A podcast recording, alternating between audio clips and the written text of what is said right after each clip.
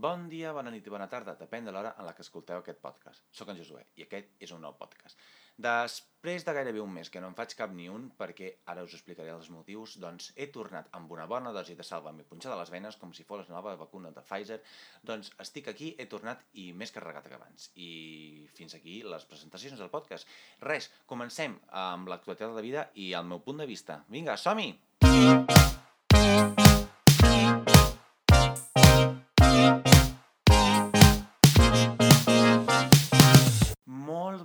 Doncs per què estic aquí? Per què estic aquí?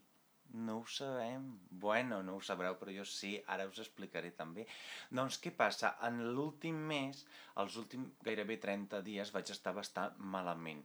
I no físicament, sinó mentalment. I és una cosa que jo eh, he, he, he, sabut reconèixer, però no he buscat cap tipus d'ajuda professional perquè sabia que era una cosa temporània, moment provisional, que pas passatgera, em diria, i és una cosa que no m'ha afectat massa.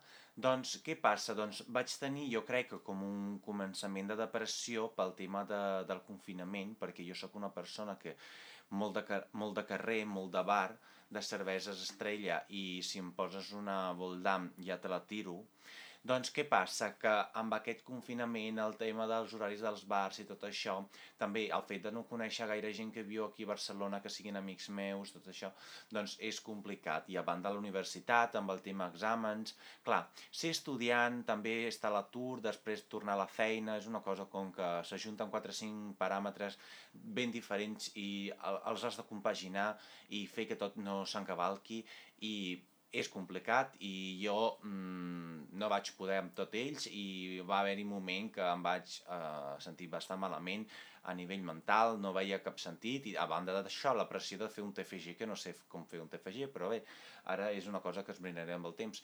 Però no passa res. Per què? Perquè després d'un mes estic aquí, he tornat a fer, a fer aquest podcast, m'encanta fer-ho i explicar-vos coses de la meva vida i coses que m'han passat i també coses que jo crec que són veritats absolutes, són dogmes, però només perquè crec jo i les dic jo, perquè en la realitat són una puta merda i us ho poden confirmar diferents estudiosos i científics i el que sigui. Doncs què passa? Avui us volia parlar d'un tema, ja que és una cosa que ens quedarà molt lluny, que són, eh, que són les festes temàtiques. I les festes temàtiques, ara, la primera cosa, si sou heterosexual, bàsicament, pensareu festes eh, disfressats de conillets, de animalitos i aquestes coses. Doncs bé, no, us parlaré de la festa temàtica leather eh, i fetish, bàsicament. Doncs què passa? Que tot això ve des de... Bé, a partir d'una experiència meva que vaig tenir quan tenia 18 anys. Uh, al meu aniversari jo tenia aquest amic meu que si sapigués català i m'entengués doncs s'escoltaria aquest podcast però com que és italià i només parla italià i dialecte veneto doncs no l'entendrà, però bueno, li explicaré jo després. Després, què passa? Doncs eh, aquest amic meu solíem sortir de tant en tant i no havíem anat mai de festa. I, i era un, i és un noi que sempre li ha agradat molt la festa, passar-s'ho bé, anar a veure aquest DJ en aquesta discoteca que estava a 3 hores de casa seva, i tot això en una, nit, en una mateixa nit, però a ell, li, li, o sigui, per ell li era tot igual, perquè només per, pel fet d'anar a veure el DJ era com superxulo. Doncs què passa? Que vaig complir els 18 i vam quedar per fer un aperitiu. Eh, ens vam donar el nostre Spritz Aperol i després em va donar un regal. Era un regal bastant raro i aquest regal eh, em va dir si treus més de 500.000 euros els, els el partim i si no te'l pots quedar. I jo pensava, què, què collons significa això? I llavors em va treure un rasca i guanya. Doncs què passa? Que em va regalar això més 40 euros. 10 euros per rasca i guanya i 40 euros. I llavors li vaig dir, escolta, més que regalar-me diners és que em sembla bastant lleig. O sigui, moltes gràcies per regal, però jo vull aprofitar aquests diners per fer alguna cosa junts. I llavors ell no va, va tenir la millor idea que, que podria haver tingut en aquell moment i va ser portar-me en un quart fosc, un, lloc, un, un, un local de cruising. Doncs vam, vam anar un dissabte o un divendres la nit, no recordo ben bé el dia, però era eh, un dia de molta afluència. I resulta que vam anar imaginem-nos, un dissabte, hi, havia, uh, hi havia gairebé 15-20 persones, perquè solen ser llocs bastant poc concorreguts, no són llocs aptes per tots els tipus de persones que existeixen en aquest món. Doncs vam arribar a Pàdua, en aquest lloc, aquest lloc que es diu eh, Hot Dog, el perrito caliente, i em vaig sentir bastant malament al principi, però no malament perquè no volia entrar-hi, sinó malament perquè estava bastant eh, descol·locat. No sabia on era el lloc, no sabia quina gent em trobaria, eh, però hi vaig entrar, vaig pagar la meva entrada vaig, amb els diners que m'havia donat el meu aniversari, perquè vaig dir, fem una cosa junts i amb aquests diners ens el gastem a, en una festa o fent alguna cosa junts. I bé, l'experiència va ser bastant, no dic traumàtica, però va ser bastant xocant, perquè jo amb 18 anys no havia sortit gairebé de l'armari, o sí que havia, hi havia sortit, però no tenia gairebé relacions de, amb el món gay, a banda eh, algun folleteo a casa d'algun maromo, i llavors eh, em va portar en aquest lloc i el dress code de la nit era eh, calçotets o sense res. Òbviament jo em vaig quedar amb calçotets perquè em feia molta vergonya quedar-me en pilota, cosa que després, eh, si ho, ho tornés a fer, em quedaria en pilota directament perquè tant me fa. Però la cosa va ser bastant interessant perquè era un lloc diferent, era un lloc fosc, i era un lloc on hi havia molta gent i molt diferent. És veritat que la mitjana d'edat eh, voltava eh, als 50, però la gent que també hi havia gent que, tindria, que, que, que devia tenir uns 28, 35 anys, com a molt. I és cert que un quart fosc, quan tu hi vas, eh, hi vas per un objectiu molt concret, que és eh, follar.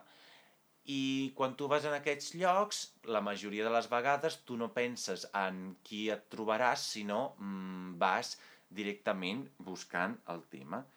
I llavors recordo jo estar en una paret que em, pogué, em podia haver donat a la, la primera feina del Miquel Buch, o sigui, de guarda de, de segurata de discoteca, perquè vaig estar tota, tota la nit dret al costat d'una paret, però vaig conèixer gent, no vaig tenir cap tipus de relació, de relació sexual amb elles perquè no m'interessava i tenia tantes emocions a dins meu que no em deixaven fer res més que vigilar si se m'acostava algú, que de fet vaig torçar un turmell a un senyor perquè em va intentar tocar, però a banda d'això, un turmell, perdoneu, el canell. Ara m'estava confonint ja sabeu, sóc italià.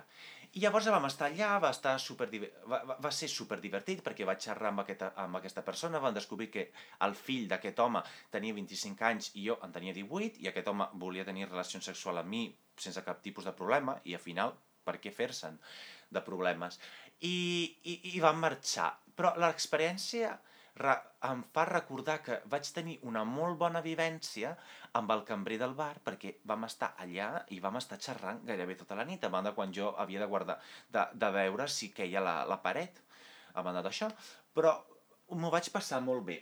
Llavors vaig venir aquí a Barcelona l'any 2017 i amb un amic meu, que me l'estimo moltíssim, però malauradament s'ha anat a viure a Madrid per motius de feina i, i d'altres, doncs em va portar per primera vegada a o d'Arco i a Into the Tank. A Into the Tank són dues festes que són uh, de música techno amb temàtica fetish uh, de qualsevol tipus, entre kinky, uh, leather, uh, qui més hi ha?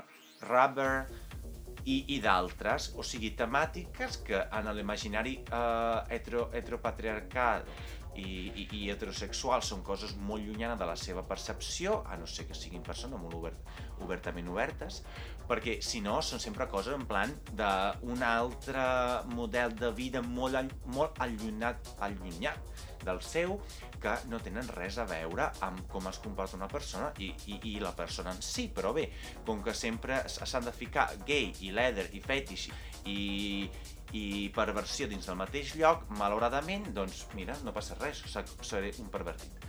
Doncs, què passa? Vam anar a aquesta festa i em vaig sentir bastant incòmode al principi perquè em vaig posar un arnès i un, uns shorts que bàsicament, si em movia massa, em, em sortia la xurra pel costat de la, de la cama però eh, va, ser, va ser super divertit perquè tothom es, es vestia com volia, hi havia gent que anava amb un texans i una samarreta, hi havia gent que anava mitja despullada com jo, i el meu amic, el Gustavo, que t'estimo, des d'aquí de Barcelona t'ho dic, des d'un podcast, però t'escriuré un missatge i també t'ho diré, i també hi havia gent que anava directament amb pilotes, i, i recordo que hi havia un senyor que la tenia tan llarga que quan es girava cap a l'esquerra, doncs la tita estava encara cap a la dreta i feia la, el mateix recorregut dos minuts després, perquè estava tan llarg i tan enorme aquella cosa que, que li penjava entre cames i era un senyor super simpàtic perquè s'acostava, començava a ballar, després desapareixia dins del quart fos que, havia, que havien habilitat a la sala tango, que també amb, el, amb, amb una mica de seny que hi penso anys després, penso, mare de Déu, els senyors que van a la sala tango per ballar a les tardes, jo espero que no s'asseguin als sofàs de sala tango, perquè aquests sofàs deuen tenir nens per tot arreu, nens sense desenvolupar, això sí. Però bé, el que passa, com tot a Barcelona cau, a Barcelona eh, es destrossa. Perquè, perquè no sé si e, e, és la catalanitat, si és, eh, eh, com, ara, per exemple, això de l'Ajuntament, que tot s'ha de destrossar per aquí, per allà, no sé què, però bé, es destrossa, es desmorona, eh, cau, no existeix, s'aniquila, qualsevol adjectiu que li poseu i verb que pugui expressar aquest, aquesta forma de treure's de sobre totes aquestes festes, doncs funciona. En aquest cas jo crec va ser per la comunitat gay de Barcelona. I no li estic recriminant res això a la comunitat gay perquè són gustos i no i jo, com a Josué Costa, no puc compartir els mateixos gustos amb una altra persona. I bé, llavors va desaparèixer. Tres anys després, quina sort vam tenir es van inventar una nova festa. Una festa que es diu Porco. Una festa que té música techno. He de dir que hi va haver una festa en la qual no hi va sonar música techno molt bona, però va ser una cosa molt puntual i ja està. I la resta va ser super divertit. Música techno que jo fins abans no n'havia escoltat mai i ara, per exemple, m'encanta, però només en determinats contextos. I bé, va començar aquesta festa i el concepte d'aquesta festa era tothom que vingui, està dirigida sobretot a home, gais, però si també volen venir dones, que siguin benvingudes, i persones de, de gènere no binari, qualsevol persona. Ara bé, la majoria de gent que hi participa són persones gais i homes cis, bàsicament. I què passa? Doncs aquesta festa és una festa leather, és una festa fetish, una festa que hi havia gent que, que, que, que, que es posa... A mi m'encanta dir disfressar, o sigui, ja sé que no és el terme, però m'encanta dir disfressar. Jo em disfresso de leather, uh, hi ha altra gent que es disfressa de... Mare de Déu. De, de làtex, de qualsevol cosa. Hi havia, per exemple, un noi que s'havia posat una malla de les, de les calces, de les mitges, al cap i anava en plan com amb una malla per tot el cos, així tal qual, i limi la vida. No hi ha ningú que vagi despullat, així és cert, però bé, hi haurà algú quan torni les festes, bàsicament d'aquí a mai, però tornaran les festes i ho espero. Però què passa amb aquests llocs? Perquè en la, tant a la a Odarco com al Quart Fosc on vaig anar i també a la Porco hi havia un Quart Fosc i un Quart Fosc es coneix i té el seu renom de quart fosc perquè és fosc, perquè no s'hi veu gaire bé i perquè la gent allà a dins va a provar suerte, o sigui, veure què pilla. Doncs, què passa? Que... Spoiler alert.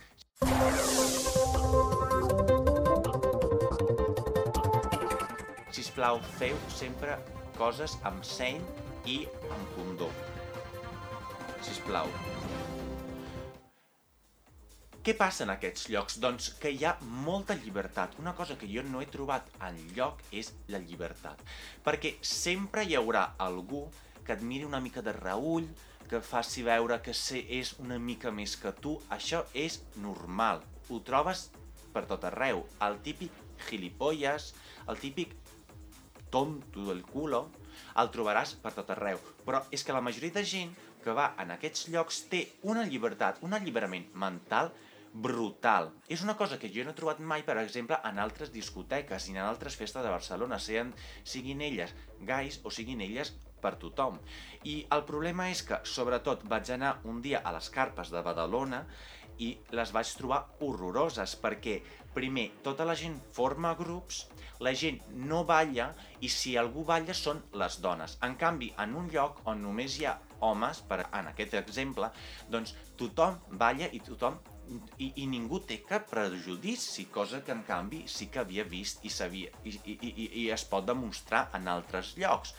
I de fet, vaig veure allà un alliberament brutal. També ningú et jutjava per qui eres, perquè una cosa que no suporto de l'ambient gay de Barcelona és el fet que si tu no entres dins d'un cànons estètics que són ser un tio amb barba, guapo, amb un cos perfecte, que, uh, o sigui, que tens tota la teva xocolatina, la, ta la tableta ben marcada, tu no ets ningú, tu no pots competir amb, amb, amb la resta, però què és això de competir amb la resta, sincerament? I jo no ho dic perquè a mi m'encantaria tenir un cos superdelineat.